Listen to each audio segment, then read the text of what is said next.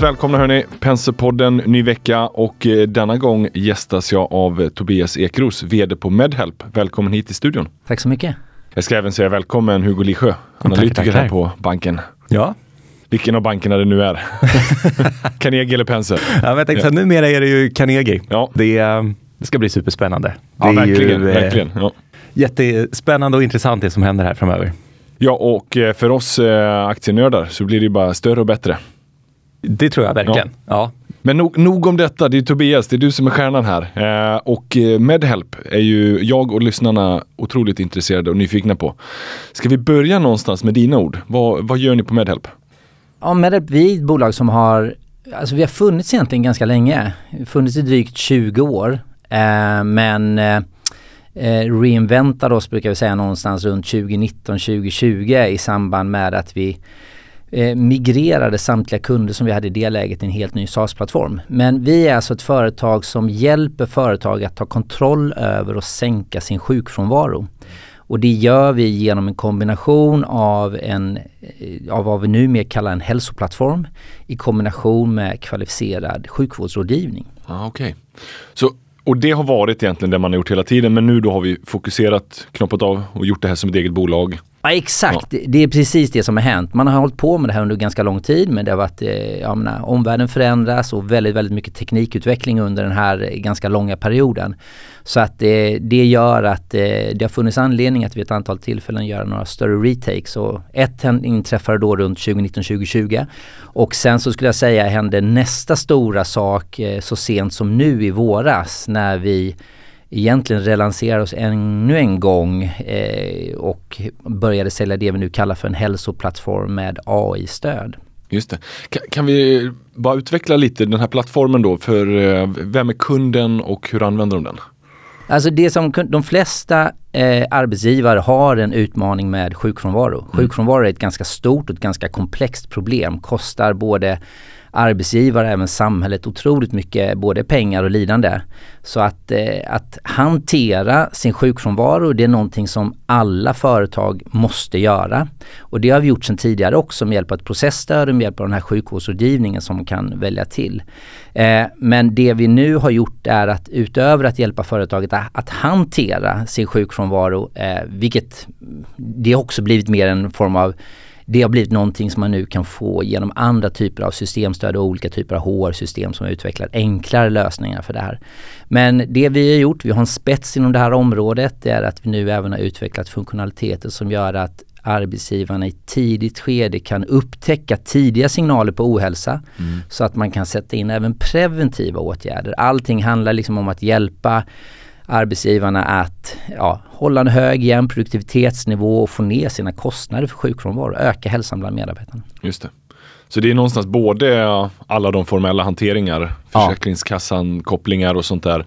Men den stora värdepålägget det är ju liksom att få den här insikten, förståelsen, kanske till och med lite Eh, prognos på hur det skulle kunna se ut framöver. Exakt, alltså det är, ju, det, är, det är rätt så mycket man som arbetsgivare ja. måste leva upp till ja, vad det gäller liksom regelverket för eh, systematiskt arbetsmiljöarbete. Så att där kommer mycket som måste hanteras och det hjälper då det här processstödet till för. Så att det börjar där. Eh, men sen att dessutom kunna ta då nästa kliv som vi nu har gjort, att aktivt kunna hjälpa de här företagen att identifiera, få ner. Det, det, det finns otroligt mycket samband. Ungefär 60-70% av alla sjukfrånvarodagar i, i landet kommer ur långtidssjukfrånvaro. Och ungefär 10% av alla eh, individer blir långtidssjukfrånvarande någon gång varje år. Det är en ganska hög siffra. Mm. Eh, så att, och man kan också se att en repetitiv korttidssjukfrånvaro ligger nästan, lägger nästan alltid grunden för en långtidssjukfrånvaro. Så att i det skedet kunna liksom identifiera, ja men här har vi individerna, här borde vi agera eh, ja. med någon form av stöd. Eh, det, är liksom, det är nyckeln till att kunna få ner både den korta men även då den långa eh, sjukfrånvaron. Så om jag förstår rätt då, det ni gör i er plattform, det är helt enkelt att ni tittar på personers eh, frånvarostatistik och därefter kan man se att oj, den här har tendenser till att löpa högre risk för att bli långtidssjukfrånvaro? Eller hur fungerar det där? Ja men eh, exakt, exakt. Det, det är ju eh, någonstans så måste man då, man måste hantera sjukfrånvaron. Det kan man göra på många olika sätt. Men, men om man hanterar sjukfrånvaron med hjälp av vår plattform då får man tillgång till, eller då får vi tillgång tillsammans med kunden till väldigt, väldigt bra data. Och bra data är på något sätt grunden för att kunna göra då relevanta analyser. Och här har vi gjort då satsningar under eh, de senaste åren genom att för ja, det snart tre år sedan anställa ett team med data scientists som utifrån all den här enorma mängden data vi sitter på under lång, alltså många år tillbaka eh, jobbar med den datan och se liksom att man kan se den här typen av tydliga samband, eh, vilket är otroligt intressant. Och föranledde till och med att vi, vi förändrade vår vision här för ett år sedan till att visionen är att vi ska hjälpa till att halvera långtidssjukfrånvaron i samhället. För vi ser alltså att mer än 50% av alla individer som i ett senare skede går in i långtidssjukfrånvaro kan vi identifiera redan i tidigare skeden. Ah, okay. och, och sen då säger du att ni har en sjukvårdsrådgivning eller rådgivningen så att säga för Exakt. bolagen? Ja precis, så att eh, vi säljer idag eh, egentligen tre paket eh, och det vanligaste är att man köper antingen det vi kallar för vårt pluspaket eh, vilket innebär att man får då eh, hela det här digitala stödet för, eh, för anmälan och man får allt det här med identifiera tidiga signaler och en dashboard som, som det här levereras alltså och statistiker på etc. etc. Kopplingar till Försäkringskassan som du var inne på och så vidare. Men sen kan man också beroende på vad man har för typ av sjukfrånvaroproblematik köpa till eh, stöd av eh, sjuksköterska eh, som kan hjälpa till att, att eh, ja, dirigera, ge, ge dig rådgivning för enklare åtkommor men också triagera dig rätt om du behöver vidare in i systemet. Och det här är någonting som de flesta av våra kunder idag faktiskt väljer att köpa till. Det är ett bra mm. mervärde att få den typen av direkt access relativt att man ska behöva ställa sig någon telefonkö till sin vårdcentral även om såklart eh, den ökade tillgång till nätläkare har såklart gjort primärvården mer tillgänglig. Men det är fortfarande ett stort mervärde ja. för, för många av våra kunder. Och nu var du inne lite på modellen där, för hur ser modellen ut? Bolagen betalar per anställd då? Exakt, vi, vi har ett upplägg där du betalar per anställd som har möjlighet då att göra sin eh, anmälan i, i plattformen. Så det är liksom en abonnemangsavgift. Eh, och eh, ja, så, så, det är en ganska enkel affärsmodell på så ja. sätt då. Och det finns en väldigt tydlig eh, human bit i det här. Men det finns också en ekonomisk bit. Hur ser den ut för er kund så att säga som betalar er då pengar för att få den här plattformen och hjälpen? Och eh, finns det några besparingar för dem och hur ser den ekonomiska biten ut för er kund?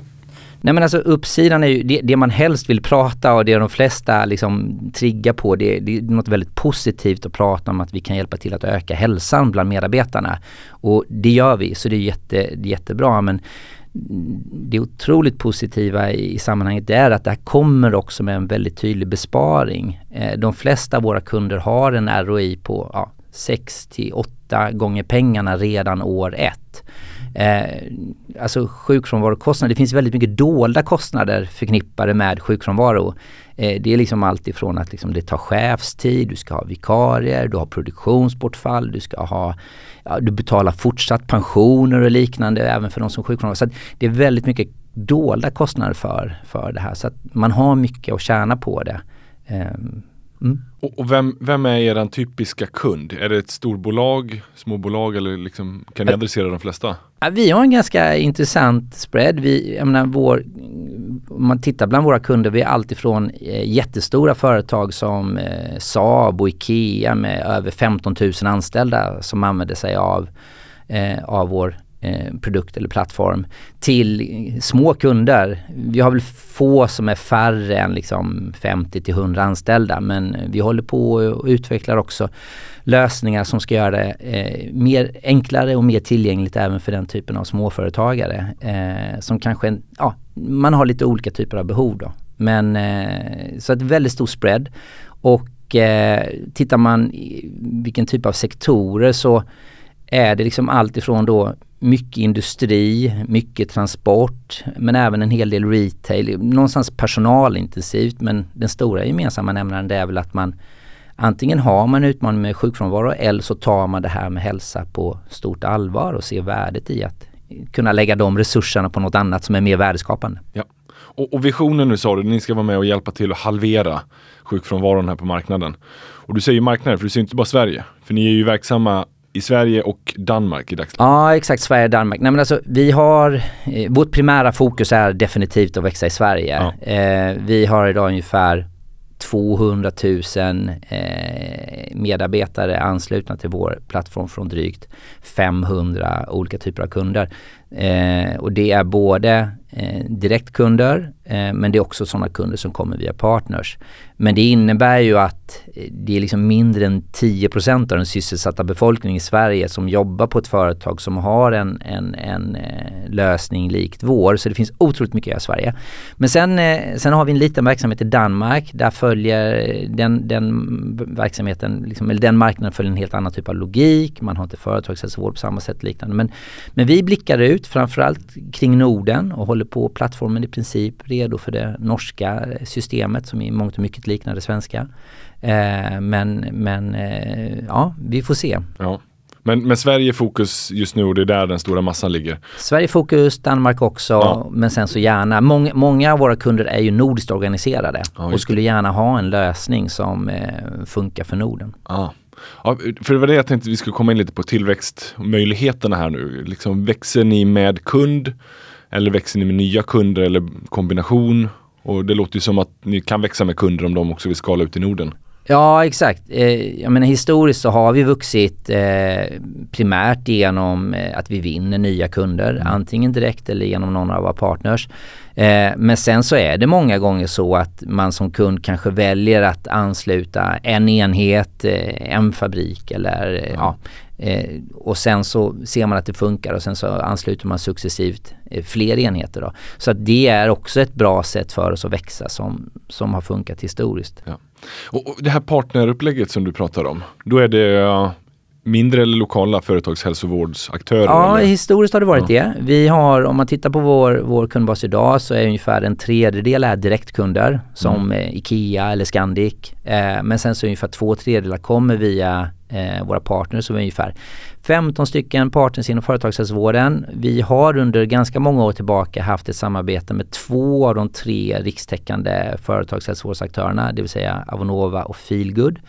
Eh, men nu sen bara några veckor tillbaka så har vi faktiskt även etablerat ett samarbete med den tredje rikstäckande aktören som är Falk, för detta Previa. De bytte namn för ett år sedan då. Ja. Så att nu har vi samtliga de tre eh, rikstäckande företagshälsovårdsaktörerna som, som partners som Ja, kan då sälja vår, eh, vår plattform, vår produkt och plattform till sina slutkunder. Ja. Och 200 000 liksom, slutanvändare i dagsläget. Ä- Och är den, är den total adresserbara marknaden? Är det alla kollektivanslutna eller alla anställda? Eller Nej, är vi, egentligen liksom? anställda. Om du tittar bara på de här företagshälsovårdsaktörerna så har de väl liksom knappt 3 miljoner Ja. eh, anslutna liksom bland sina kunder. Så det finns en väldigt stor möjlighet att växa tillsammans med våra partners. Och det finns många fördelar i det. Det är liksom win-win för både oss och dem och, och eh, kunden i det. Att, att man har vår produkt, vår plattform, insikterna som kommer därifrån och sen så har man eh, bra eh, hälsovård nära eh, tillgängligt. Ja, just det. Eh, Så att det, det är ett bra sätt för oss. Ja. För när vi har pratat här nu så har vi pratat om att eh, data är väldigt viktigt. Säg att man är en ny kund som kliver in hos er. Eh, Då har ju inte ni eh, historisk data på de anställda. Går det att hantera på något vis? Absolut. Det vi brukar göra är att vi brukar, det är ju upp till kunden, men vi brukar börja med att vi gärna läser in historisk frånvarodata, till exempel från den senaste 12 månadsperioden. Då har man någonting och det blir ännu viktigare nu eftersom att eh, vårt AI som då jobbar eh, utifrån den här historiska datan för att identifiera tidiga signaler eh, när det kommer till de mer preventiva insatserna behöver den typen av historisk data. Eh, vad det gäller rehabfall så är det ju inte samma, där finns det ju inte samma behov då. Så att eh, därför läser vi gärna in det. Eh, och eh, då kan man som kund liksom egentligen kickstarta på en gång och få, få full effekt. Mm. Och vad, vad säger kunderna om produkten? Nu är du partisk här givetvis, men vad, Ja. vad säger de och vad, vad önskar de mer framöver som ni har fokus på att utveckla? Nej men alltså, vi, vi upplever ju att den här lanseringen vi gjorde i våras, den var helt rätt i tiden. Eh, man har haft, alltså vi har många kunder som vi har haft ganska länge och där vi har etablerat oss väl in i deras eh, eh, arbete och deras vardag liksom som jag menar, de flesta av oss vet att man har många olika typer av system som man som chef eller arbetsgivare använder sig av och där har vi etablerat oss bra. Men det är klart att i och med den här lanseringen, men, ja, och det, där har delar och det har blivit mer en commodity som jag säger. Och det kommer via kanske olika typer av HR-system som har bredd som, sin, eh, som sitt fokus. Att man hjälper företag utifrån ganska många olika perspektiv. Eh, Medan vi är ju väldigt så här spjutspets. Vi väljer att dyka i den här vertikalen för det finns så mycket att hämta i den. Eh, så att i och med den här lanseringen vi gjorde i våras så känner vi verkligen att intresset har, har vuxit något enormt och tittar man på vår Säljpipe, nu har 2023 eh, varit ett lite speciellt år rent konjunkturellt, så här mycket försiktighet. Men tittar man på vår säljpipe sen vi gjorde den här lanseringen i, i, eh, i våras så är den, liksom, den är dubbelt så stor idag eh, som, den var i, som den var just i våras. Ja. Ja, men därför, precis som du säger, det är en lite tuffare konjunktur. Det är mycket prat om kostnadsbesparingar. Jag menar, eran produkt som du säger har ju en jättebra ROI. Uh. Eh, hur ställer sig kunder till att ändå ta den här nya investeringen så att säga, i plattformen för att kunna göra en besparing senare? Uh. Hur går eh, tankarna kring det? Nej men alltså det, det som är bra med vår, det vi erbjuder det är just att du har den här abonnemangskostnaden. Det är väldigt begränsade uppstartskostnader. Så att eh, egentligen så, och, och, jag menar, vi har inget värde i att binda inne våra kunder i några liksom långa komplexa avtal utan jag menar, du har några månaders uppsägningstid om du skulle vara nöjd. Vi har historiskt haft en, en rätt låg körn. Eh, nu har den varit lite högre på sistone egentligen för att vi har eh, tappat någon Eh, större kommun eh, som har liksom väldigt tajt ekonomi. Eh, och då blir man väldigt kortsiktig men det är de flesta inte då.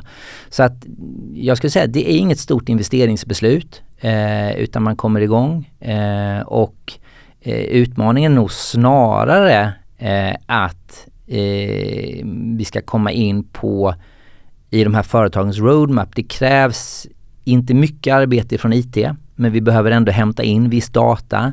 Så att det, det är de flesta företag har mycket på sina agendor och eh, det gäller liksom att komma in och komma upp där på, på den, eh, den roadmapen. Ja. Ja, för onboard, liksom onboardingen är viktig för att de ska få ut full effekt av det. Exakt. Men det kräver ändå lite IT-kostnader för dem att få ihop beroende på vilken modell de har, ja. vilka andra system och så vidare. Men det är väldigt lite, vi brukar säga här, 40 timmars arbete så är ja. de flesta kunder igång. Det, alltså man kan göra det väldigt enkelt ja. eh, om vi bara liksom läser in från våra data. Man liksom, som, som kund sätter upp filer som man exporterar till oss som vi läser in. Sen så blir det också såklart i det här ganska komplexa HR-techlandskapet som växer upp så blir det mer och mer intresse av att bygga integrationer eh, där vi både hämtar in eh, frånvarodata men också skickar tillbaka eh, eller vi hämtade inte, inte in frånvarodata, vi hämtade in organisationsdata eh, och så skickar vi tillbaka frånvarodata. Eh, och det håller vi på att jobba med och bygger successivt fler och fler sådana integrationer för att möjliggöra det. Då. Ja, just det. Vad tänkte jag på, eh, finns det någon säsongsvariation här? Du säger låg körn generellt sett, sen kan det alltid vara något bolag ja. som trillar bort men Finns det en säsongsvariation i form av att man har personal över sommar, vinter som inte är kvar Ja det gör det. Vi okay, har, ja. eftersom vi har den typen av, men vi har alltid en naturlig ökning just eh, i juni så det brukar sammanfalla med att man ska skicka ut Q2-rapporten så ser det alltid ut som att vi har en eh, ah, okay, härlig tillväxt och sen så Q3-rapporten så har man då tappat. För att må många av våra kunder har eh, en hel del säsongsvariation, eh, säsongspersonal. Så att det är väl liksom en, det, det är väl den naturliga eh, variation som finns. I övrigt så har det varit liksom underliggande en, en hyfsat jämn tillväxt runt 10% om man tittar tillbaka de senaste tre åren. Sen har 2023 som sagt varit lite trögare men vi har efter den här lanseringen som jag sa, allt det arbete som vi nu har bedrivit så har vi gott hopp om att eh, det ska kunna ta av under 2024. Ja. Och det här är ju framförallt mjukvara. Hur ser ni på eh, skalbarheten i det här? Alltså det, det, det vi man kan tycka att det vi erbjuder är eh, till syn, alltså det här processstödet det, det är ju inte det i sig är liksom, där finns det andra typer av lösningar som inte är eh, jättesvåra kanske då att bygga och kopiera då liksom. men, men och det finns några mindre konkurrenter men utmaningen i det här, det är liksom hela systematiken i att kunna hantera stora, väldigt krävande kunder eh, och dess krav på informationssäkerhet. Det har ju vi hanterar ju väldigt mycket känsliga personuppgifter. Så att, eh, och vi är nu då sedan ett och ett halvt år tillbaka ISO 27001 certifierade, vilket jag ska säga i princip en förutsättning för att ens komma upp på radarn nu för tiden med den här typen av större krävande kunder eh, som vi har.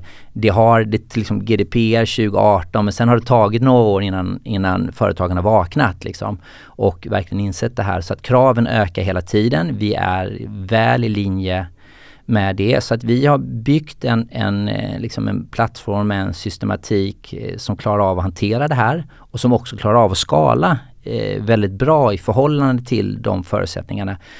Så att Eh, Eh, det är ganska, ganska tufft att, att, bygga det och det ser man också om man tittar på eh, liksom våra rapporter. Eh, sen vi noterades för två år sedan så hade vi en period när vi investerade ganska mycket i att, i att bygga den eh, organisation och de funktionaliteter som, som eh, vi nu då har på plats och fortsatt liksom vi gör löpande releaser, nya funktioner. Eh, men från den position där vi befinner oss idag så är det liksom ganska begränsat med ytterligare eh, resurser som vi behöver lägga på när vi, när vi växer. Det är klart att fler kunder, liksom, det kommer trilla in lite fler tickets. Det behövs kanske lite mer i, i kundtjänst då eller i, arbetet med kundrelation. Men väldigt, väldigt begränsat ändå skulle jag säga. Ja. Så nu, nu är egentligen arbetet att försöka skala upp det? Nu är arbetet att skala upp det. Eh, sen, alltså sen pågår det, här, vi sitter ja. inte still alltså vi, vad det gäller att utveckla nya funktioner. Vi ser att det finns mycket mer vi kan göra för att, att ytterligare öka eh, värdet för våra kunder. Både till exempel, alltså helt kritiskt för oss det är att, eh, som alla, det är att kunderna verkligen jobbar i plattformen. Det är då effekten kommer ut. Så vi jobbar hela tiden med att utveckla nu då nya funktioner som gör det mer och mer attraktivt för både den enskilda chefen men också för HR att jobba i plattformar liksom för att få ut den fulla effekten eh, och att hjälpa dem liksom att mäta det här och visa på det. Då. Så vi jobbar löpande med att utveckla funktioner men, men eh, i huvudsak så jag säga det största fokuset och fokuset om man tittar ledningsgruppen är just nu otroligt mycket att eh, vinna nya kunder, skapa tillväxt, få ja. ut det bredare. Och då är det en kombination av direktkunder och partnerskap som ni ser växt, tillväxt? Ja, exakt. Det, det, är, vi har eh, jättebra och jätteduktiga partners och det finns som jag sa innan en, en tydlig synergi att sälja det här tillsammans med företagshälsovården. Sen har ju de väldigt många produkter i sin portfölj och eh, eh är ju kanske eh, Eh, är och ska kanske inte vara liksom expert på att, att sälja en, en SaaS-plattform. Eh, men där går vi ju liksom hand i hand och, och jobbar med eh, deras kunder för att, de ska, för att kunderna ska få en bra eh, helhetslösning. Men sen vill ju många kunder köpa upp det här separat. Eh, och det är klart att vi möjliggör det. Eh, så att eh, vi jobbar liksom parallellt då i de här partnerskapen som vi har eh, och med direktkundsbearbetning och där har vi också ökat intensiteten väldigt mycket de senaste åren. Sen finns det nya vägar mot marknaden också. Eh, det, det, här är ju, jag ska säga det här med hälsa och eh, teknik och eh, liksom insikten kring värdet av data för att kunna adressera det här på ett strukturerat sätt, det ökar ju. Eh, vi har eh, liksom en hel försäkringsbransch som, som ser ett jättestort värde i att få ner eh, sjukfrånvaro, framförallt då kanske långtidssjukfrånvaro där de kan ha mycket kostnader som kickar in. Just det. Eh, ja, finns det några sådana partnerskap i dagsläget? Nej men alltså eller, vi håller på för ja. en ganska bred diskussion. Ja. Eh, det är väl ett sökande här efter eh, lösningar som, som liksom ska funka för, för alla, alla parter. Ja. Men det är väldigt intressant. Och å andra sidan kan man också se som jag nämnde innan, vi bygger integrationer mot, många kunder vill att vi ska bygga integrationer mot deras kanske HR-system. Mm. Här finns det också ett stort värde, liksom att vi bygger en färdig integration vilket innebär att det funkar mer eller mindre, eh, kanske inte sömlöst men i princip, vilket gör det möjligt även för den typen av eh, aktörer att kunna erbjuda eh, vår, vår plattform som en integrerad del av deras mycket bredare erbjudande. Liksom, ja. De täcker så många områden, de här HR, liksom HR-systemleverantörerna. Medan vi är liksom nischat i det här. Där finns det ingen som djupar i det här på samma sätt som, som vi gör. Så det är också en stor intressant potential. Spännande, spännande. Tobias, jag tänker så här, vi ska börja knyta ihop säcken lite. Mm. Eh, blicka ut till 2024. Vi har redan gått in på en hel del av eh, vad fokusområdena är, men mm. om vi ska försöka summera ihop det. Vad, vad kommer att vara fokus 2024 och vad kan man som investerare följa upp och förvänta sig? Ja, exakt. Nej men fokus där egentligen, som sagt vi gjorde den här lanseringen så sent som under Q2 och fick in den första kunden i, i, uh, i um, i slutet på Q2. Eh, nu har vi under hösten successivt eh, adderat på fler och fler, eh, både nya kunder och även att vi jobbar mycket med att konvertera befintliga kunder till den här nya hälsoplattformen. Den första lite större kunden vi tog ombord var Svenska Spel eh, som kom, kom in nu för en, vad är det, en, knappt två månader sedan. Eh, så att eh, det är fortsatt ett jättestort fokus på att eh, få in de här eh, alla nya kunder som finns i pipen. Eh, det är ett stort fokus på att fortsatt eh, utveckla produkten, plattform så att det möter ständigt ökande krav både på funktionalitet men också på säkerhet. Och sen så är det att utveckla de här partnerskapen. Mm. Och sen kanske eventuellt en Norge-lansering? Nej men vi före liksom där, ja. vi, vi, alltså vi, vi, vi tittar hela tiden på det. Som, som, som vi sa innan, vi har en liten verksamhet i, i Danmark ja. eh, och eh, vi har blickat på, på andra länder en period men vi vill, när vi gör det så vill vi helst göra det på ett liksom, strukturerat sätt ja. eh, tillsammans med någon partner. Ja, eh, följa kundintresset. Exakt. Mm. Snyggt. Det ska bli otroligt spännande att följa mm. upp eh, detta Tobias. Eh, stort tack för att du kom hit till Penserpodden. Tack så mycket. Och i denna del, då ska vi träffa RakeTech och eh, vi kommer att prata på engelska. So I'm now switching over. Hopefully more English than Swinglish. But I'm, I'm gonna say welcome uh, Oskar Mühlbach, VD, uh, CEO on RakeTech to Penserpodden. Welcome. thank you, thank you, thank you very much. Thank you. And also in the studio with me, I have uh, Richard, uh, an analyst here at the bank. Welcome, Richard. Thank you, thank you. So, Oskar, uh, let's kick it off with uh, RakeTech. Could you, with with your words, describe uh, what's RakeTech's position in the iGaming ecosystem? Yes, of course. Uh, thank you for for having me in this podcast. First of all, first of all, of course, and thank you for for allowing us to to do this in English. We we have uh, quite a few English speaking shareholders, so so uh, I know that this is appreciated by them. So thank you for that but yeah, we we do marketing. Uh, more specifically, we do something that is called affiliation marketing, and affiliation marketing is more common than you might think. It's common within uh, um, tickets or air, uh, flights or hotel bookings or rental cars, things like that. Uh, typically, very very common, uh, but also within the iGaming space space, yeah. which is where we target our services. Yeah, so you match customers with the uh, with the products, so to speak.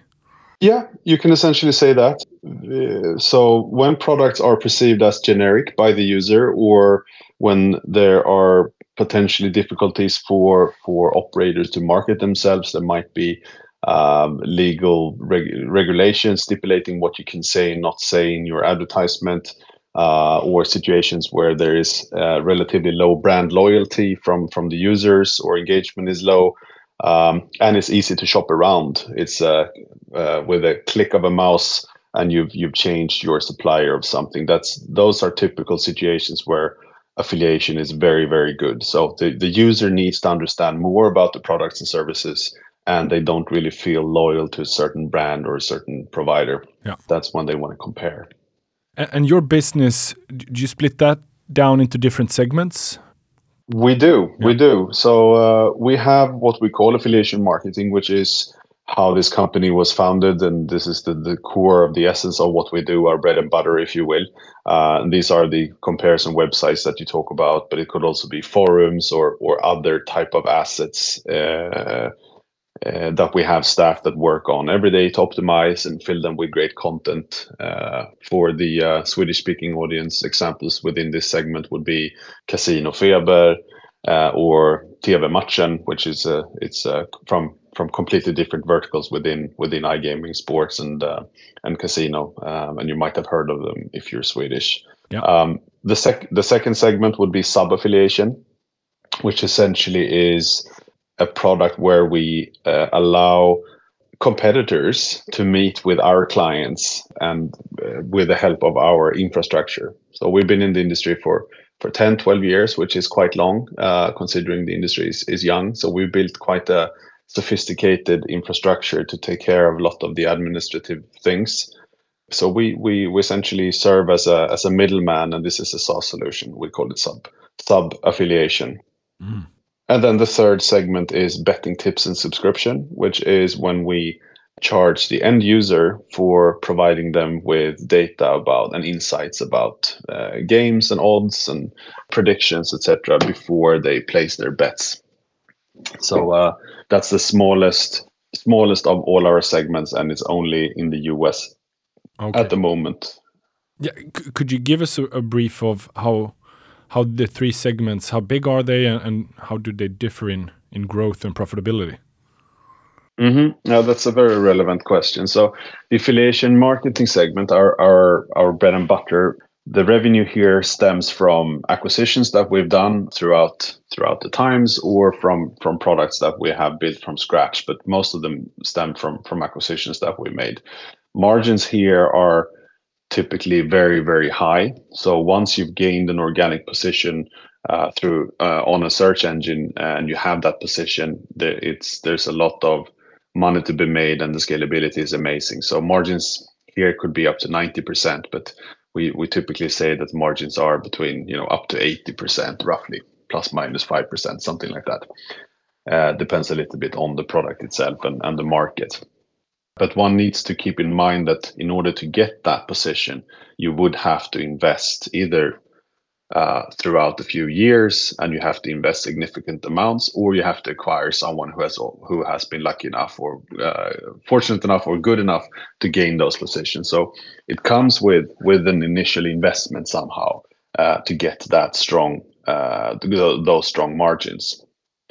Um, and the growth within this segment is a little bit varying depending on the markets but one can a bit sloppy perhaps, but you can you can assume that uh, an operator spends maybe 30% uh, of their marketing, 30 to 40% of their marketing budget on affiliation, and uh, roughly 30% potentially in the growth phase of their total revenue spent on marketing. So it's quite a significant amount.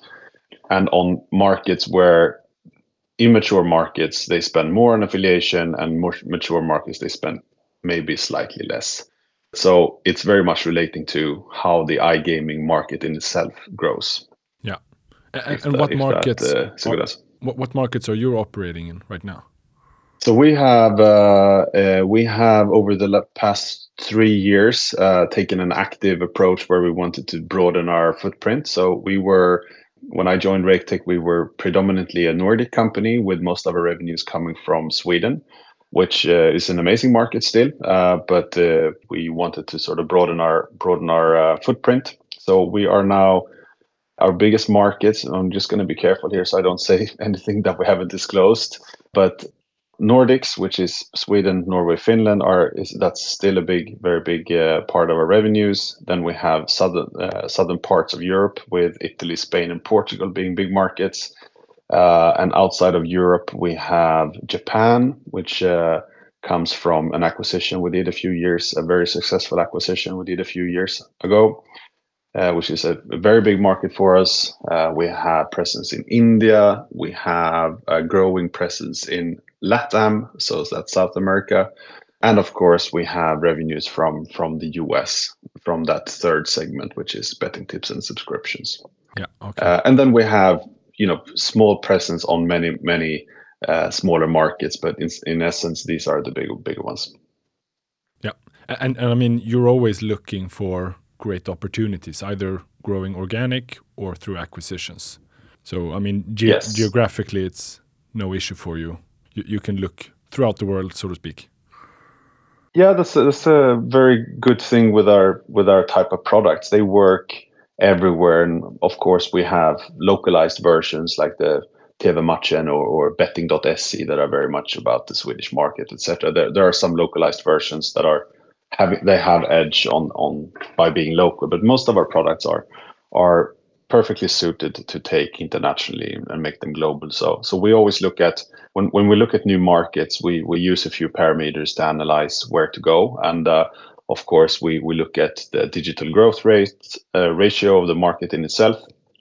Uh, we we look at uh, the growth in within gaming uh, in itself, and we of course talk with our partners about what markets they are planning to go to, yeah. and we start looking at those markets. So, so it's a quite um, it's not rocket science as such, but it's uh, it's quite easy to pinpoint certain markets that are of, of more more interest than others. So, and now we've been speaking about affiliation and uh, affiliates, and that's like the bread and butter, like you speak. But sub affiliation, it's shown uh, remarkable growth last couple of quarters. Mm -hmm. um, yeah. How come and how's that been achieved? Yeah, it's uh, of course uh, super exciting to see that the that this segment it, it's shown unprecedented growth. Uh, it's it, we've had a really really good year within this segment, and uh, I need to clarify that there are two sub segments within sub affiliation in in the way we look at it.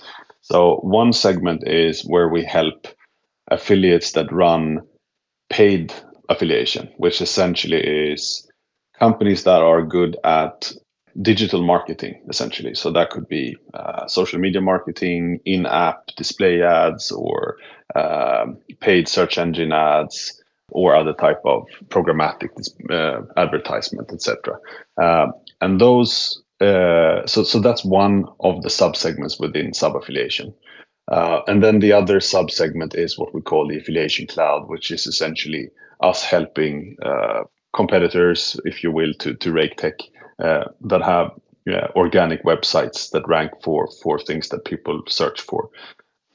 Mm. And, and we connect them to our system. And the revenues differ a little bit because the this, the last segment is the smaller one in our portfolio at the moment but it, it is uh, growing uh, and it's fast growing.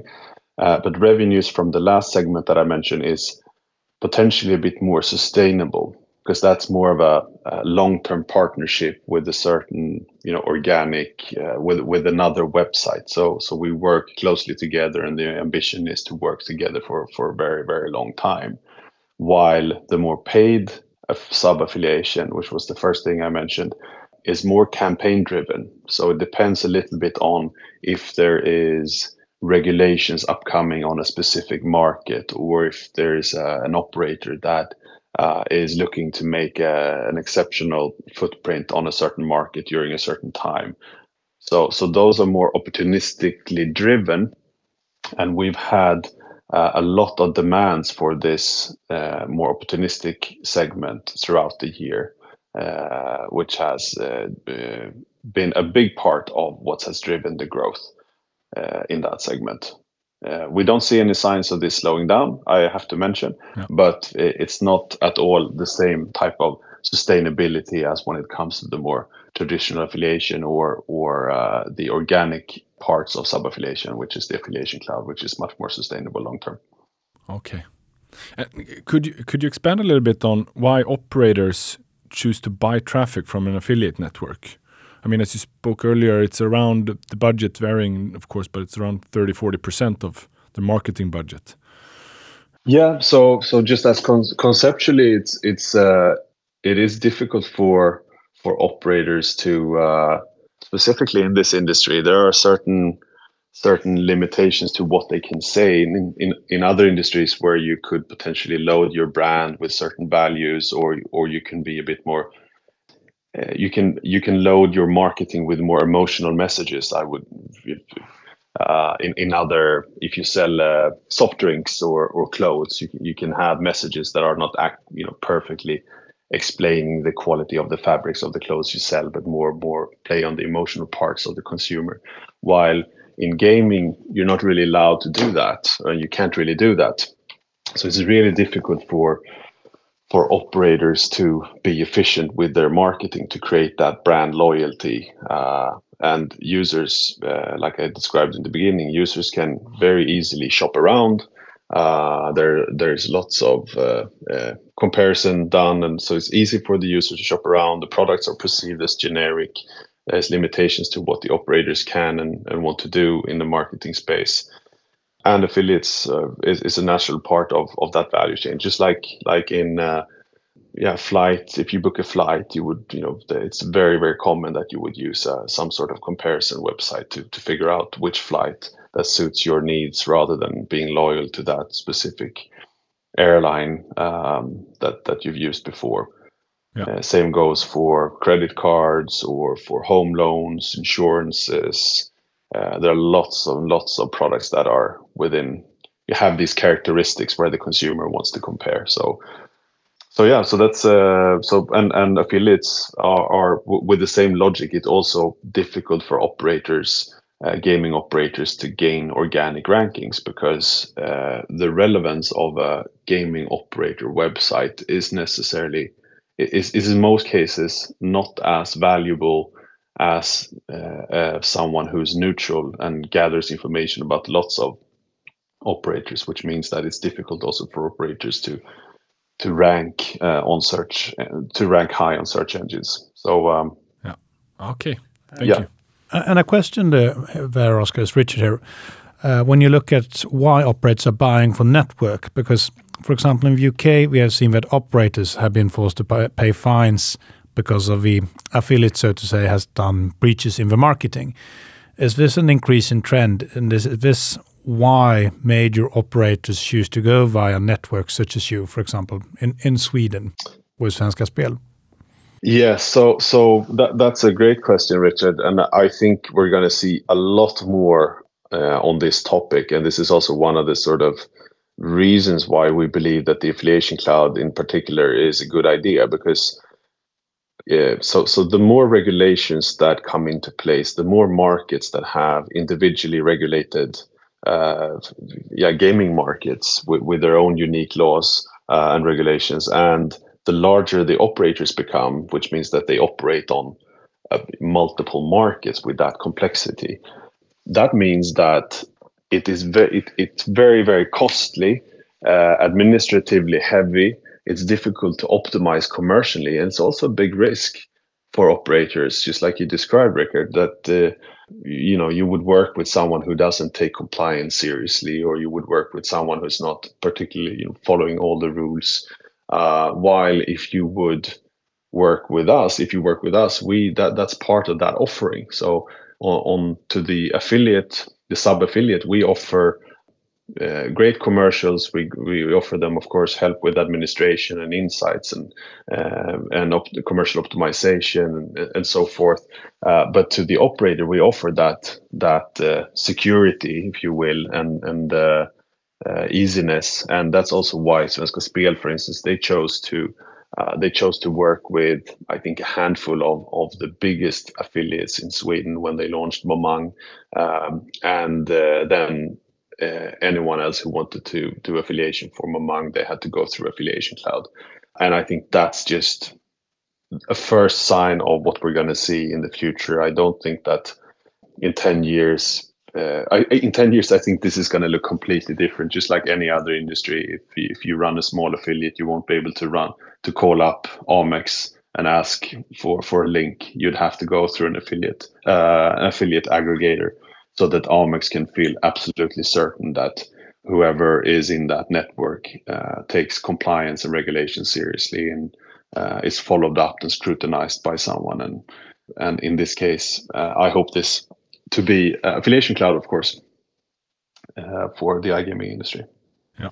Okay, great. So we can summarize this as basically a win-win situation. For the operator, you get your traffic vetted, so, no, so someone doesn't make false claims in their advertising. And for a smaller mm -hmm. smaller affiliate affiliate, you basically get access to get flows uh, flows from bigger operators such as Unibet or Svenska Spel.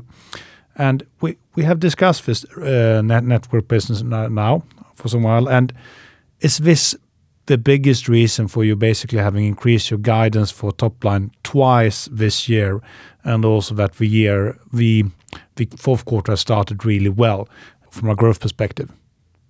It is actually so. So uh, yeah, that that's the reason. So. Uh, yeah, we've had tremendous success essentially, and, and uh, uh, predominantly within sub affiliation and the paid part of that. uh, which has had a positive effect. Um, so so yeah, that's that's why we've updated our guidance this year. And also, I guess we have mentioned that the margins in what I like to call affiliate marketing are quite high since you basically act as an aggregator in affiliate in sub-affiliation. Is there fair assumptions to make that the margins margins are lower, but the volumes are much higher, so to say? Yep, that's exactly how to view it. Uh, so uh, that's exactly the case, and and uh, also uh, the risk is, of course, the financial risk, uh, which I tried to explain before. There is is that in, the sub affiliation segment, we're essentially not investing into someone else's product. That is something that's been taken already by the sub affiliate. So the trade off is that we need volumes, uh, we have lower margins, but the risk is substantially lower. Both our initial investment, which is uh, zero or non existing, uh, but then also by having a network of many, many affiliates connected, we lower the risk from single assets, which we have uh, in our own portfolio, where we have, uh, of course, less less less uh, money making uh, assets than we have in the in the network. So so it's a lower risk, but lower margins. Okay, great. And apart from sub affiliation, one of your strongest performing assets during the year has been Casumba. can you please describe this asset and the reason why it's been been so strong during 2023? Yeah, so uh, Casumba, uh, the Casumba assets, it's actually a, a collective name for for a few assets. Uh, the, uh, it's a, they all stem from an from an acquisition we did a few years ago, and they are all all of these assets are targeting the Japanese market. And we have uh, we have been uh, have, we've been having tremendous success with, with these assets, specifically during Q1 of this year, uh, where all stars were aligned and we uh, we were seeing an, an, an a, a, very very strong demand from our clients, the operators, to get to gain market share at the same time as essentially all of our uh, the entire product portfolio in Japan were were uh, having really really strong performance strong positions lots of traffic uh, and high rankings. So in combination um, with that of course that that means that we can we don't not only have high demand uh, but that means that we can also raise raise prices. So we've had a really uh, nice development within within pricing uh, and margins uh, while volumes have been all time high. So it, has been a combination of, of a few different factors that have been successful uh, throughout the year. I think we did mention that we are still seeing very strong performance from these assets, but it's somewhat milder at the uh, at the later part of the year than we had in the in the first part of the year when we had uh, when we were peaking uh, in that region. Okay, great. And since Casumba was uh, was acquired a couple of years ago, there's been an earnout linked to Casumba. Uh, can you please mm-hmm. describe how this has developed and uh, since it will be the final amount will be settled during this year, how you will uh, settle it going forward? Yeah, so this is uh, essentially the the only the only major um, commitment we have in in cash or you know a debt com- commitment, if you will.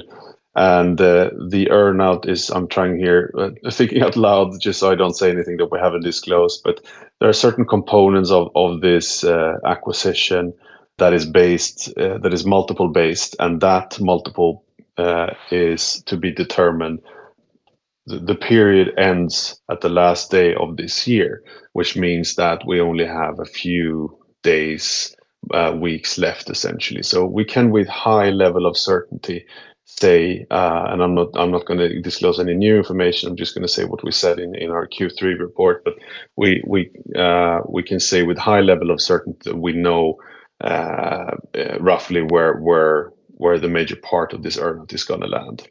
And I just have to remind uh, everyone uh, who listens to this that we chose on purpose to to have a very low upfront payment for for this earnout. I think it was two or four million, because uh, the products were uh, growing tremendously well. The market was growing tremendously well, but we had a much higher uncertainty on both the product side and the market side uh, back in those days. So on purpose, we didn't want to pay too much upfront, uh, but we did want to incentivize the founders to continue to work and grow these products. And this has been that sort of mechanism has been a tremendous success because that's what we're seeing now. So uh, the the fact that we're paying a lot now uh, is not a bad thing. It's it's a good thing. We could have paid a lot in the beginning potentially, but I think that would have been the bad the wrong decision at that time. Uh, but yeah, so we so we are looking at that we, we have disclosed that we are estimating that we need to settle 17 million euros uh, in 2024, 9 million in 25, and I think 20 in 2026. So all in all, this adds up to 46 million euros.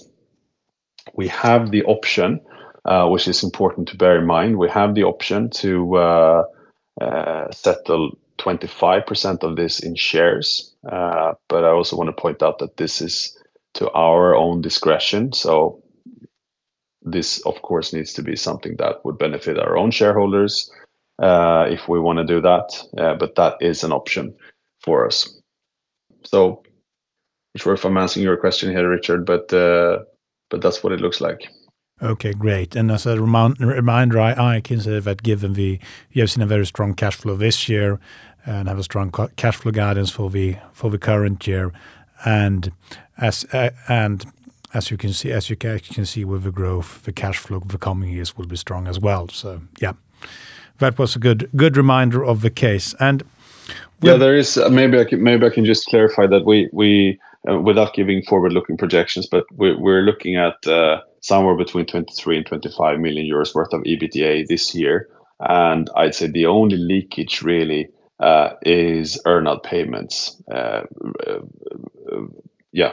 So, which means that if we don't grow anything or if we don't decline anything, we will be looking at over the next three years uh, a situation where we need to pay 46 million uh, and we would then have uh, incoming balance of roughly 75, 70, 75 and that is without any growth or any decline, of course. But in my mind, I'm I'm quite comfortable, or I am com- comfortable with this sort of headroom when it comes to to paying this paying this earnout, uh, also giving us enough room to potentially look at dividends or complementary uh, or uh, you know add-on acquisitions or other investments. It gives us enough room to do both. I would I would project.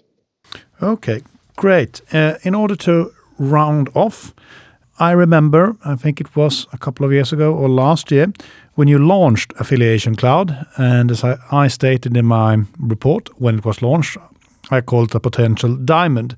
Uh, can you please talk about the this product and how it has been received by the market since launch?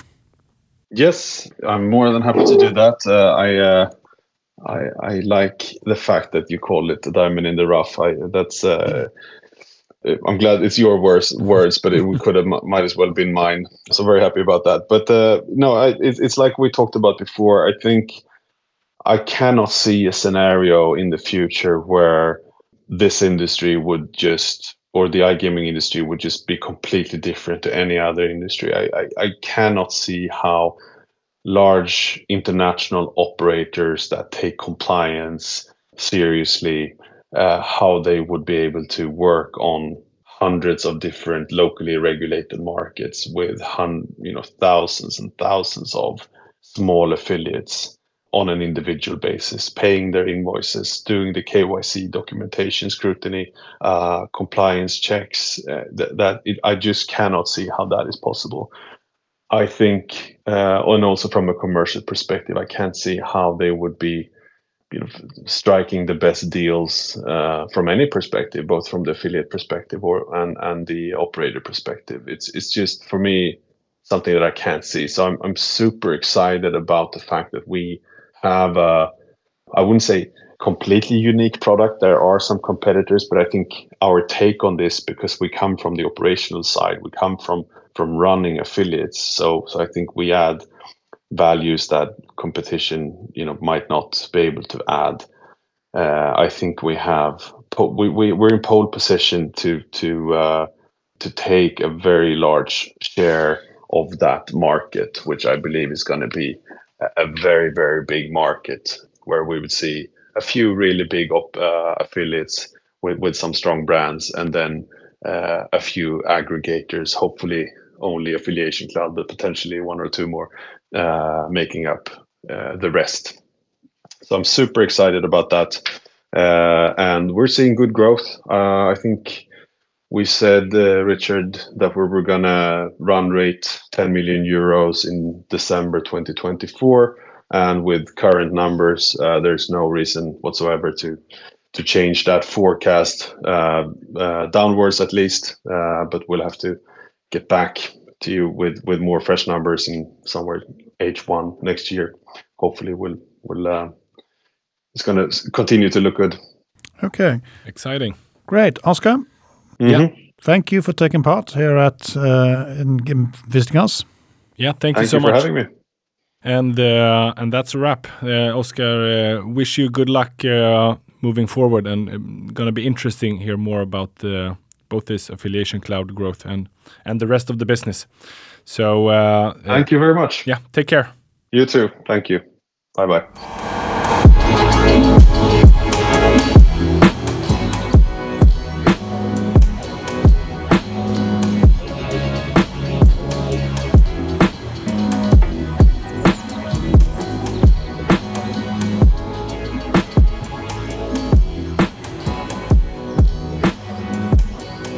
Denna podcast är utgiven av Erik Penser Bank och är avsedd att marknadsföra bankens tjänster. Vissa bolag som nämns kan därmed ha något samarbete med banken i form av fondförvaltning, analystjänster, certified advisor-uppdrag med mera. För information om dessa tjänster, fondförvaltning och även bankens hantering av eventuella intressekonflikter, vänligen se bankens hemsida www.penser.se. Vänligen notera att investeringar i finansiella instrument, inklusive fonder, är förknippade med en risk. Historisk avkastning är ingen garanti för framtida avkastning.